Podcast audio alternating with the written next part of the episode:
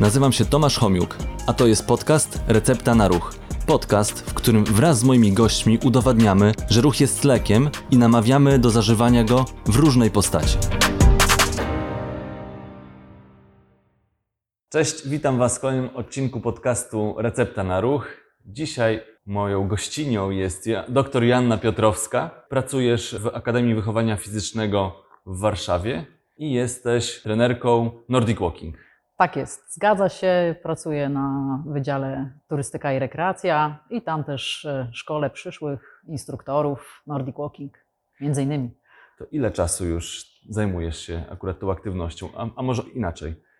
Co wcześniej robiłaś? Ja wcześniej robiłam chyba wszystko, bo tak naprawdę zaczęłam chyba w wieku 10 lat i zaczęłam trenować lekkoatletykę. I później e, zajmowałam się tak naprawdę wszystkimi dyscyplinami, bo siedmiobojem. I myślę, że to by może i dalej trwało, gdyby nie to, że ja nie lubiłam biegać na 800 metrów. A wiadomo, że 800 metrów jest na samym końcu. I moja głowa cały czas nie koncentrowała się na tych poszczególnych konkurencjach, tylko 800 rety metrów. 800 metrów. I takimi moimi ulubionymi konkurencjami był skok dal z miejsca i tak naprawdę życiówkę mam 5,83 Wow. E, i to w wieku 15 lat. I oszczepem rzucałam prawie 30 metrów y, w wieku e, 15 lat. I tak naprawdę nie mogłam się zdecydować, czy skok dal, czy oszczep. No i był ten siedmiobój. No ale to 800 metrów zaważyło nad tym, że, że po prostu chyba zbyt duże obciążenie psychiczne było i, e, i zrezygnowałam. Potem już tylko był skok dal, ewentualnie gdzieś tam oszczep. Ale potem się zaczęła przygoda z siatkówką, z koszykówką i tak cały czas był coś, było coś, jakaś nowa dyscyplina, nowe e, formy aktywności. Ale przyszedł taki moment, że no, pojawiły się kontuzje, bo głowa bardzo chciała, ale ciało już nie było to. I pojawiła się kontuzja kolana, no i właśnie, i co dalej? I też taką, taką drugą przyczyną tego, że w ogóle zainteresowałam się Nordic walking, e, Walkingiem, to jest podnoszenie swoich kwalifikacji zawodowych, żeby zrobić, zrobić po prostu nowe uprawnienia. No i tak w 2009 roku e, zrobiłam uprawnienia instruktorskie Nordic Walking, Polskiej Federacji Nordic Walking i tak się zaczęło, a później chciałam iść dalej. To mi nie wystarczało i zaczęłam po prostu pracować i robić wszystko, żeby zrobić kolejny poziom. No i tak zostałam trenerem po to, żeby szkolić nowych instruktorów. Później też założyłam własne stowarzyszenie, Europejskie Stowarzyszenie. Jesteśmy aktywni, a tam jest y, właśnie Master Nordic Walking Academy, gdzie prowadzimy szkolenia dla wszystkich tak naprawdę, bo i dla pasjonatów Nordic Walking, dla nauczycieli, dla instruktorów, każdy chce, kto chce coś więcej wiedzieć o tej aktywności, no to właśnie tam zapraszam. Czyli od nastu lat y, zajmujesz się Nordic Walking. Najpierw, no to rozumiem, że próbowałaś, a później już to Cię tak mocno wkręciło, czy już byłaś pewna, że, że Nordic Walking to, to jest ta dyscyplina, która no, na, na długo Ci będzie służyła? No, ja po, e, po szkoleniu tak naprawdę zakochałam się w tym. I to było to, co tak naprawdę chciałam robić. I dlatego zaczęłam szukać też e, dlaczego, po co, co robić, żeby ten ruch był bardziej efektywny. I dla mnie Nordic Walking to nie jest tylko Nordic Walking, to jest praca całego ciała e, po to, żeby ono tak naprawdę pracowało bardzo dobrze. Bo jak spojrzysz na ulicę, jesteś fizjoterapeutą, więc zobacz, na pewno widzisz, że ludzie nie potrafią chodzić. Niestety tak jest. Dokładnie. Bo, bo, bo tego chodzenia nam ubywa w naszym życiu. Tak, bo siedzimy, coraz więcej czasu siedzimy, siedzą dzieci, siedzą osoby dorosłe, siedzą osoby starsze. No i ten, ten Nordic Walking no, miał być tą formą, która miała rozruszać to e, społeczeństwo. Nordic Walking też poszedł dalej, bo przecież są zawody, jest rywalizacja, jeśli chodzi o w, te, w tej formie, tej aktywności, ale niestety ja dostrzegam coś więcej, że Nordic Walking to nie tylko pozytywy. Niestety są i negatywne aspekty Nordic Walking, bo jeśli nie masz prawidłowego wzorca chodu, jeśli robisz tam błędy, to jeśli weźmiesz kije, to tak naprawdę będziesz powielał te błędy jeszcze dodatkowo z obciążeniem. Więc Twój organizm będzie dostawał też mocniejsze bodźce i tak naprawdę nie jest to do końca takie dobre, więc y, takim moim, moim przesłaniem, nie wiem, jest taka chęć y, no, budowania tej aktywności, ale pod kątem tego prawidłowego wzorca chodu. Pokazywanie, że Nordic Walking ma być nie celem samym sobie, ale środkiem do uzyskania tego celu. A dla mnie celem to jest prawidłowa postawa, prawidłowy chód. Do tego dążę. No okej, ale po kolei w ogóle jak to jest popularna w tej chwili aktywność? No bo Nordic Walking rozwijał się właśnie w Polsce pewnie tam kilka, od kilkunastu lat tak mocniej, tak? No bo sama aktywność wymyślona była znacznie wcześniej. A jak to, jak to wygląda właśnie w Polsce?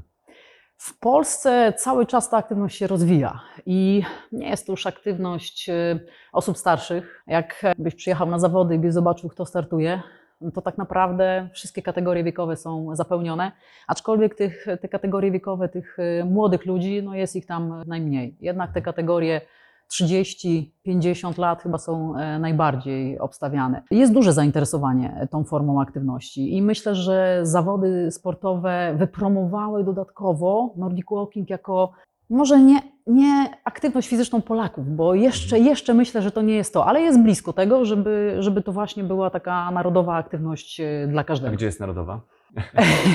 Znaczy się, wiesz co, ja myślę, że mm, nie ma chyba takiego kraju, żebyśmy mogli powiedzieć, że tam jest najwięcej e, tych osób. Ja myślę, że Polska, ponieważ była takim mocnym propagatorem tej aktywności, myślę, że tutaj gdzieś tam jest ta kolebka tej największej promocji Nordic Walking e, i i tego, co się wydarzyło. Wiesz, ja w 2009, 2000, w tych latach 2009-2012 byłam w zarządzie e, Międzynarodowej Federacji e, Nordic Walking i tam odpowiadałam za badania naukowe. I wiesz, jak ja powiedziałam, że zawody, tutaj działamy, to jest właśnie to, to oni mi tak powiedzieli, no hello, jakie zawody, to nie, to jest rekreacja i tak dalej.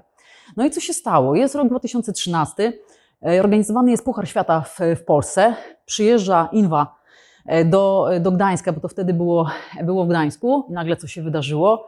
Jak zobaczyli miasteczko, to, które jest na, na zawodach, jak zobaczyli ile ludzi jest, to powiedzieli, wow, my chcemy to robić. I tak naprawdę Polska stworzyła po, pierwsza przepisy e, do, do Nordic Walking i one są tłumaczone na wszystkie języki świata. Więc to jest to, że, ta, że Polska odgrywa naprawdę dużą rolę Mhm. w promowaniu tej aktywności fizycznej. To jakie są imprezy? E, Oj, tych imprez. Ale no to są mistrzostwa jakieś świata, Europy, jak to wygląda? W ogóle imprez, tak jakbyś wziął mapę Polski, jest bardzo dużo. Od takich naprawdę powiatowych, małych, dzielnicowych imprez, no właśnie poprzez Mistrzostwa Polski, poprzez Mistrzostwa Europy i Mistrzostwa Świata. Teraz właśnie w, w, w, w czerwcu, w połowie czerwca będą organizowane Mistrzostwa Świata w Choczewie, gdzie no już tych państw jest naprawdę bardzo dużo. Chyba już tak z tego, co tak ostatnio obserwowałam, to pięć kontynentów, przedstawiciele pięciu kontynentów już są. Najwięcej jest oczywiście e, Polaków, bo ponad chyba 600 z tego co wiem. Oni startują w różnych kategoriach e, wiekowych i będzie, będą to mistrzostwa. I powiem Ci szczerze, że prawdopodobnie kategoria Open wygra kobieta, bo jak na razie żaden mężczyzna nie jest jej w stanie e, wyprzedzić na dystansie A półmaratonu. to ciekawe, to ciekawe. Przeważnie to, to jest e, inaczej w innych dyscyplinach. No jest, ale no... Czyli co, to Ela- się liczy?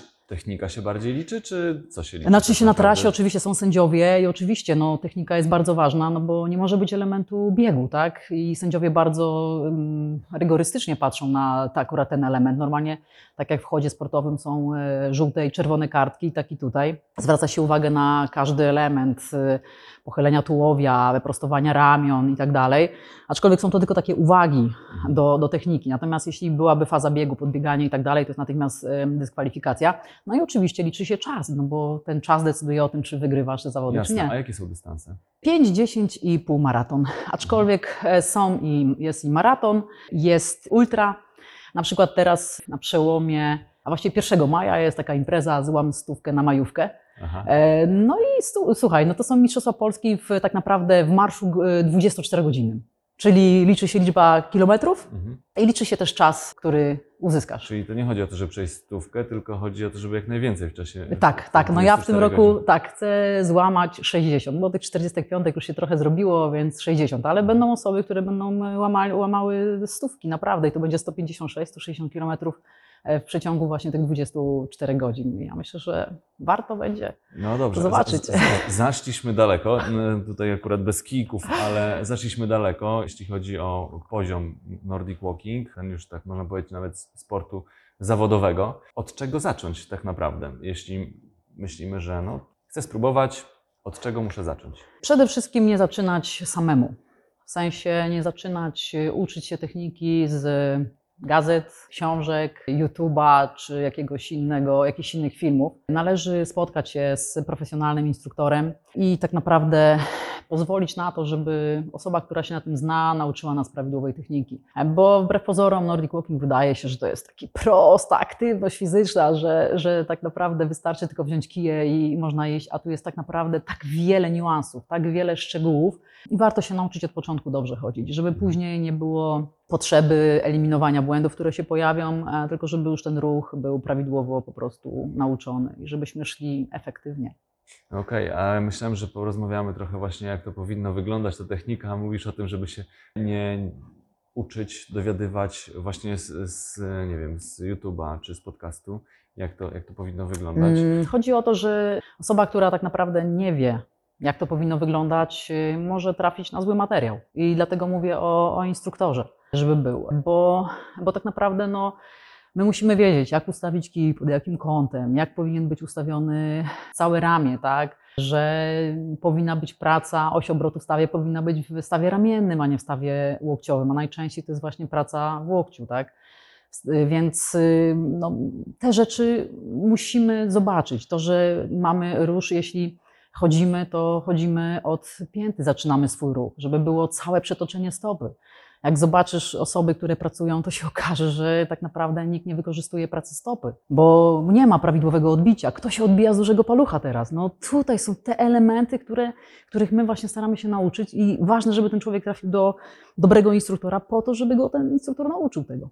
Okej, ale no, ja jednak bym chciał usłyszeć trochę więcej, bo też jestem instruktorem e, Nordic Walking. Nie robię tego regularnie, e, nie chodzę z kijami regularnie, też nie, nie trenuję osób regularnie. Kiedyś zrobiłem kurs instruktora, nauczyłem wiele osób Nordic Walking. Myślę, że prawidłowo cho- chodzą, ale właśnie o tych szczegółach chciałbym trochę usłyszeć, bo rozmawialiśmy chwilę, liczy się wszystko tak naprawdę. Długość kija, Mhm. Sama mówiłaś, że, że długość kija wpływa nawet na prędkość tego, tego Oczywiście, chodu. że tak. Ustawienie kąta wbicia kija w, w podłoże. Właśnie jak jest ustawiona stopa, jak się ta stopa przetacza kontaktu z podłożem, wybicie.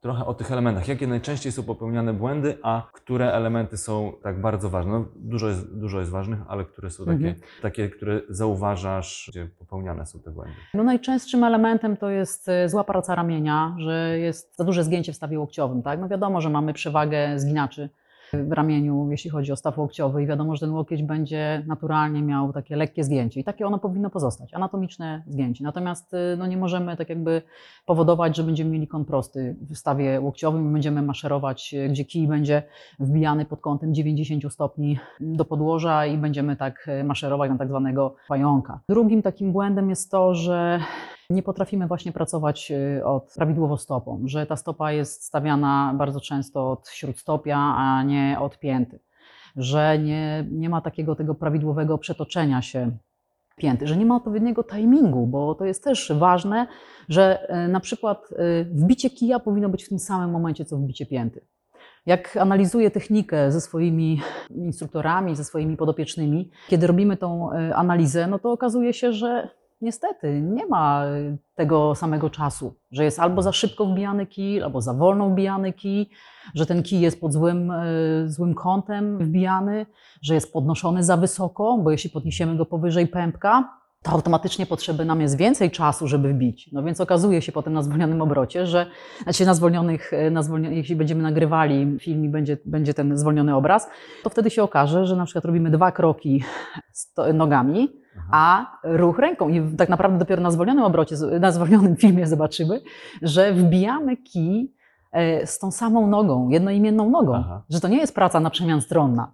I tego nie widać, kiedy ktoś idzie Szybko. szybko. Znaczy ja, ja, to wych, ja to wychwytuję, tak? Mhm. Ale osoba, z którą pracuję, tego nie wychwyci, więc dopiero teraz pokazanie jej tego da ten taki pełny, pełny obraz. I druga sprawa to jest też e, to, że my za bardzo zginamy biodra, robimy takie trochę nienaturalne ruchy, chcemy ten krok wydłużyć, ale jeśli nie mamy odpowiedniej długości taśmy przedniej, no to wydłużenie tego kroku będzie powodowało na przykład ból e, w odcinku lędźwiowym. No i teraz osoba mówi, no tak, idę, jest to taka zdrowa forma marszu, a mnie boli kręgosłup, tak? No i też trzeba pokazać, co trzeba zrobić, żeby to nie bolało. Ja wiem, dlaczego to boli. Trzeba pokazać temu drugiemu człowiekowi, co zrobić, żeby nie bolało i pokazać mu tą inną troszeczkę pracę. Mm, Druga, jeszcze patrzenie się na przykład w ziemię, że nie ma tego spojrzenia 20 metrów przed sobą. Myślę, że to są takie podstawowe błędy, bo to, że ktoś chodzi prawa, prawa ręka, lewa, e, lewa, lewa, z reguły zdarza się na samym początku. A jeszcze bym tak chciał, jakie są różnice, e, usłyszeć od Ciebie, jakie są różnice pomiędzy zwykłym chodem a e, chodem z kijami, tak? Jak, z jaką prędkością, czy ta prędkość się znacząco różni, czy inne mięśnie pracują?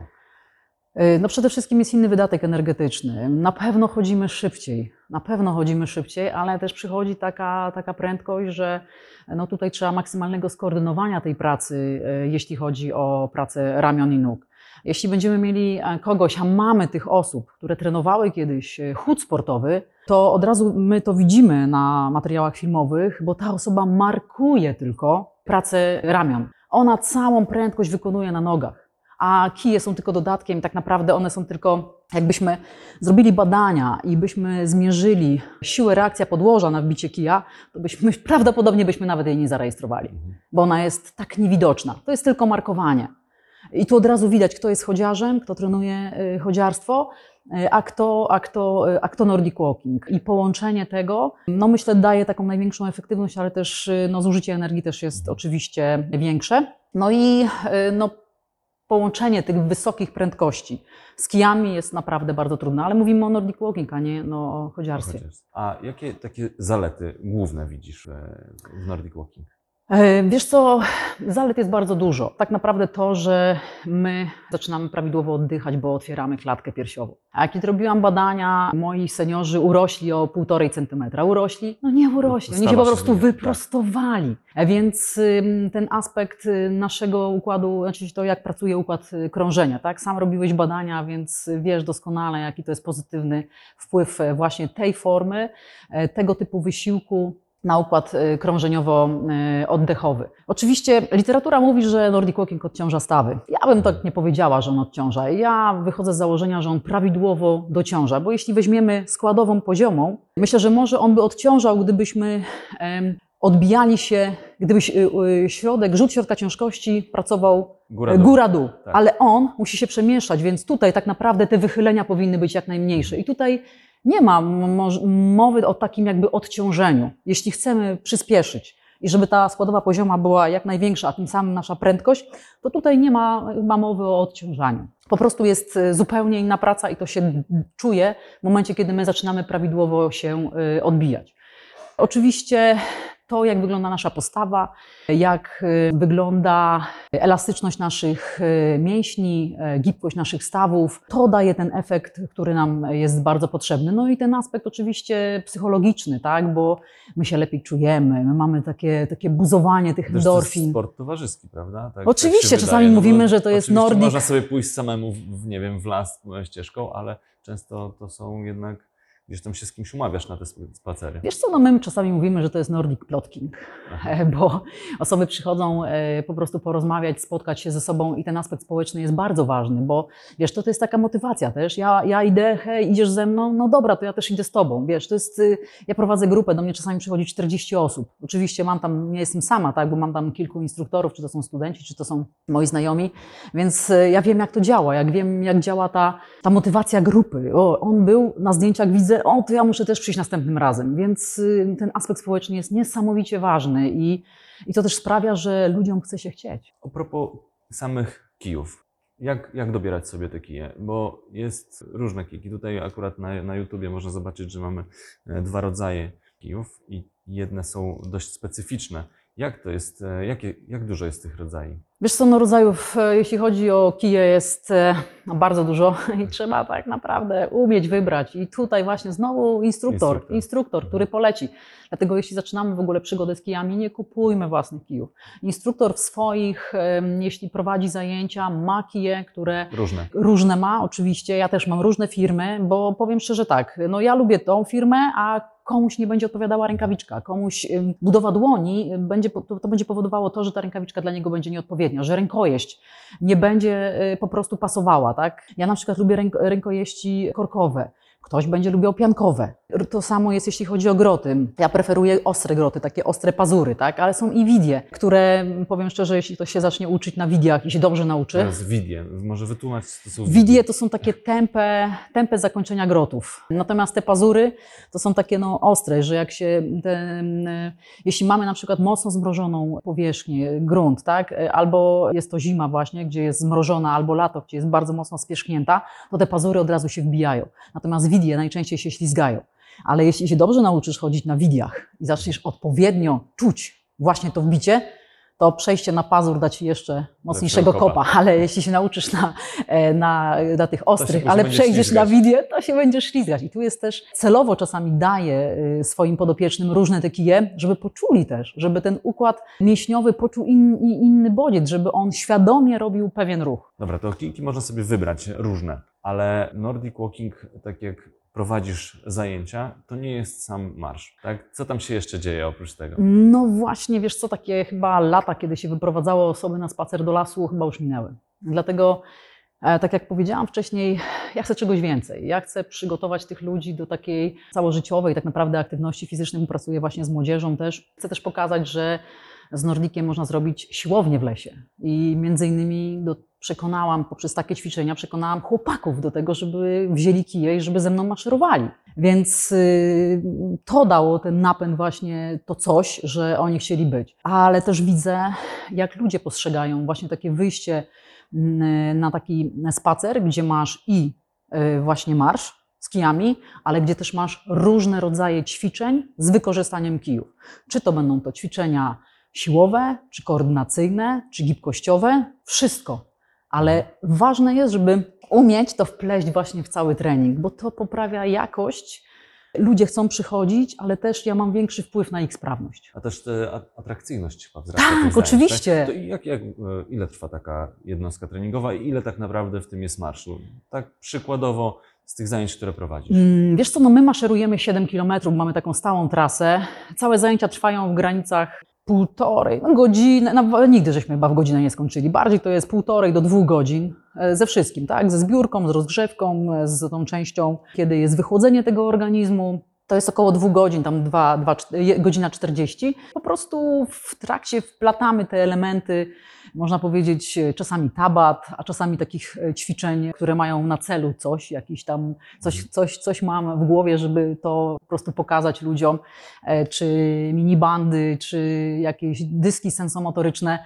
Też to udaje się wpleść w te zajęcia, taśmy rehabilitacyjne, więc to powoduje, że Dając te ćwiczenia, wydłuża się oczywiście ta jednostka, no bo ten marsz, te 7 kilometrów, to ja myślę, że tak w granicach godziny. Jesteśmy w stanie, godziny 5, jesteśmy w stanie przejść takim spokojnym marszem, patrząc oczywiście od tych, e, którzy idą najwolniej, do tych, którzy idą najszybciej, bo te grupy się dzielą, bo mamy te grupy, które idą bardzo szybko i one mają tego szybszego instruktora, który no właśnie idzie szybciej, bo ja chcę, żeby każdy był zadowolony. Ja nie chcę, żeby ktoś czekał na kogoś, tylko żeby ktoś szedł swoim tempem, bo dla mnie to tempo jest najbardziej optymalne.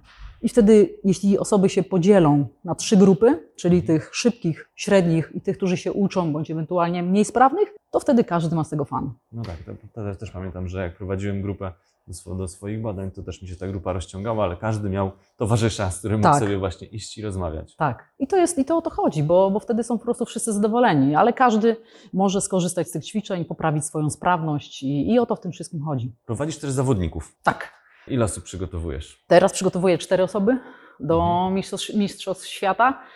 No i zobaczymy, zobaczymy, co się wydarzy. A te osoby to tak mm, jakby mus, muszą, jak bardzo muszą, muszą się przygotowywać, żeby w takich mistrzostwach no, wziąć udział? No tutaj na tym poziomie już nie ma żartów. Jeśli chcemy mierzyć się z tym, że gdzieś tam pretendujemy do tego tytułu Mistrza Świata, to to już jest y, profesjonalnie zaplanowany trening. To już jest Czyli zgodnie. codziennie. codziennie Zgodnie? trening. Nie, to są, wiesz, to też nie jest tak, bo wiadomo, że tutaj nie ma zawodowców. Ci ludzie mają pracę, Tak. mają rodziny i kiedy ja planuję ten trening z daną osobą, to pytam się go, daj mi swoje dni, swój czas, kiedy ja mogę ten trening zaplanować. Kiedy nie będziesz miał wyrzutów sumienia, że coś zawalasz, Mhm. że żona czy mąż y, mają do ciebie pretensje, że wychodzisz i ciebie nie ma, gdzie nie masz kontaktu z dziećmi, zaplanuj mi to. I teraz moim zadaniem jest zaplanować ten trening tak, żeby ten ktoś mógł pogodzić pracę, rodzinę i właśnie trening, żeby to było dla niego przyjemnością, a nie wyrzutem, że ja muszę to zrobić, takim. obowiązkiem i tak dalej.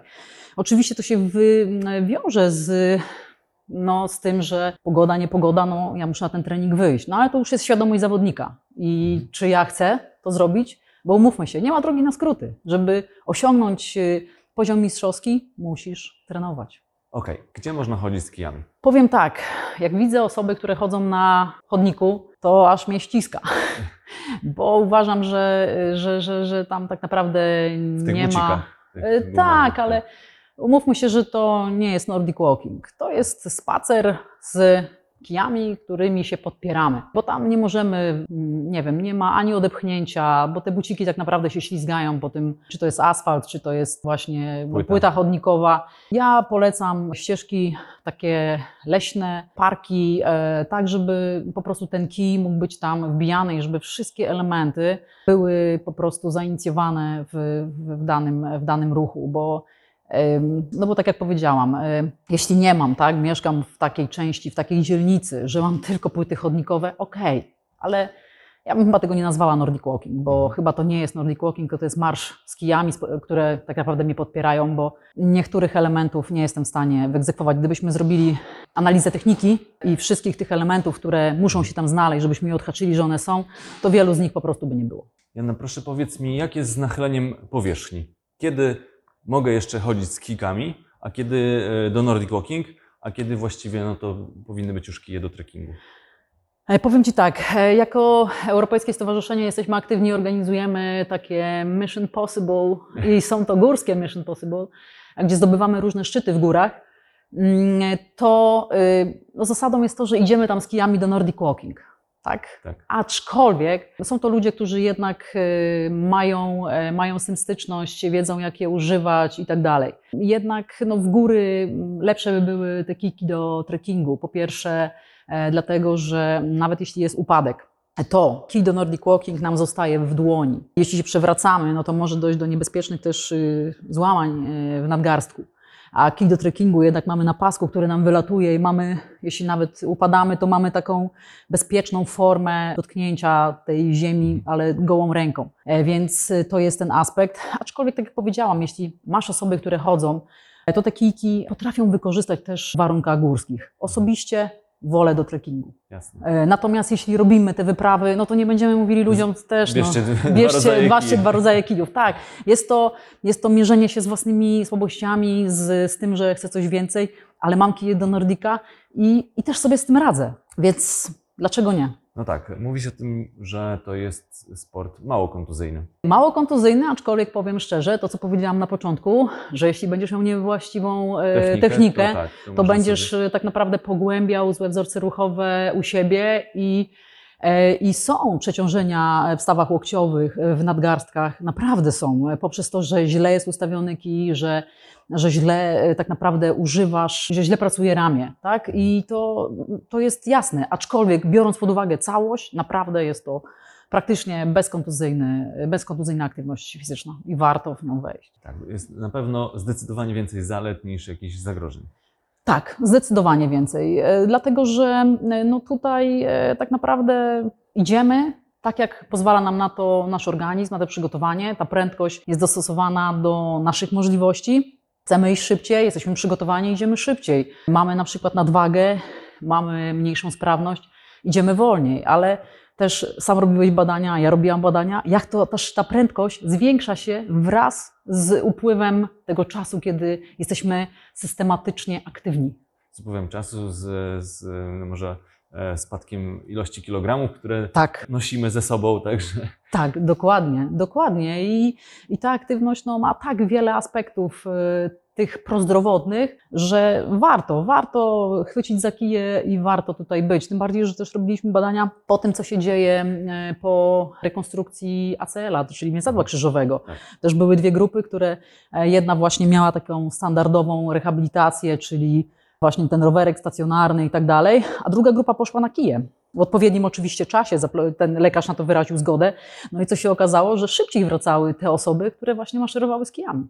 Jako dodatkowa bardziej, bardziej naturalny ruch. Tak Dokładnie, wydawało, niż, dokładnie. Niż tylko. Podejrzewam, że ilość tych treningów była porównywalna. Tak? Znaczy We- się y, y, według ilość, tak, tak, tak, tak, nie, ilość, tylko że tamci mieli tak jakby dwie sesje e, typowo na rowerze, a ci mieli rower plus Nordic Walking. Także czas był taki sam treningowy, natomiast inne formy. Dobrze, Joanna, to jaka jest Twoja recepta na ruch? Słuchaj, ja chyba lubię być na takim pozytywnym haju.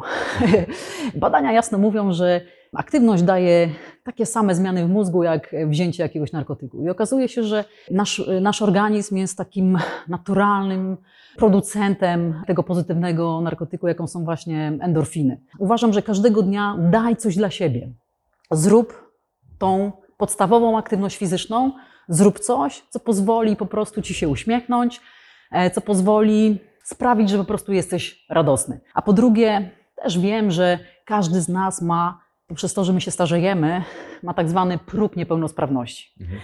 I od nas zależy, czy ten próg niepełnosprawności będzie w wieku 90 lat, czy w wieku 60 lat. I tak naprawdę chcę być aktywna po to, żeby ten próg przesunąć Jak na jak najdalej. Dokładnie. Ja się chcę przygotować do jesieni życia i cały czas mówię, może młodym osobom ciężko jest powiedzieć, a bo na starość to, to będziesz, tak? E, Ale myślę, że jeśli swoją osobą pokazuję, jak mogę być sprawna teraz, to myślę, że też to jest przykład dla, dla nich, że poprzez ruch trzeba być e, po prostu, że trzeba być sprawnym, a ruch da Ci właśnie tą pełną, e, pełną sprawność. A jak chcę się do tej jesieni życia przygotować, żeby się z niej cieszyć, a nie usiąść w fotelu i narzekać, że coś jest nie tak. No to racja, tak? Obyśmy nigdy nie spotkali e, tego progu niepełnosprawności, żebyśmy go przesuwali, no i nigdy go nie dotknęli, tak, tak bym Tak. powiedział, a narkotyk w postaci dawka, dawka, Dawka, narkotyku tak w postaci ruchu zalecamy każdemu. Tak jest, każdemu w dowolnej ilości. Ważne, żeby on był i dawał nam właśnie tą pozytywną energię. Dziękuję Ci bardzo. Dziękuję za, bardzo. Za to, że przyszłaś i opowiedziałaś o tej swojej dyscyplinie. Dziękuję i myślę, że się jeszcze spotkamy, bo tutaj ja widzę jeszcze jeden, jeden taki odcinek, no właśnie na podstawie tego, że Nordic Walking e, oblicza Nordic Walking, e, że to nie jest tylko Nordic Walking jako jedne kije, ale mam tak, tyle takich zabawek, które pokazują, że, że Wiesz, można inaczej jest- na to spojrzeć. To jest recepta na ruch. Im więcej takich zabawek pokażemy, tym może więcej osób zobaczy, co można jeszcze dodatkowo zrobić. Dokładnie. Dziękuję bardzo. Dziękuję bardzo. Dziękuję również za to, że słuchacie, oglądacie, komentujecie. Jeśli chciałem tylko przypomnieć, że co środę o 12 pojawia się nowy odcinek podcastu Recepta na Ruch, także zapraszam i do zobaczenia.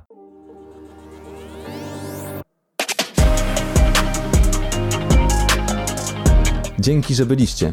Mam nadzieję, że zostaniecie tutaj na dłużej. Jeżeli chcecie być na bieżąco, zasubskrybujcie kanał Recepta na Ruch.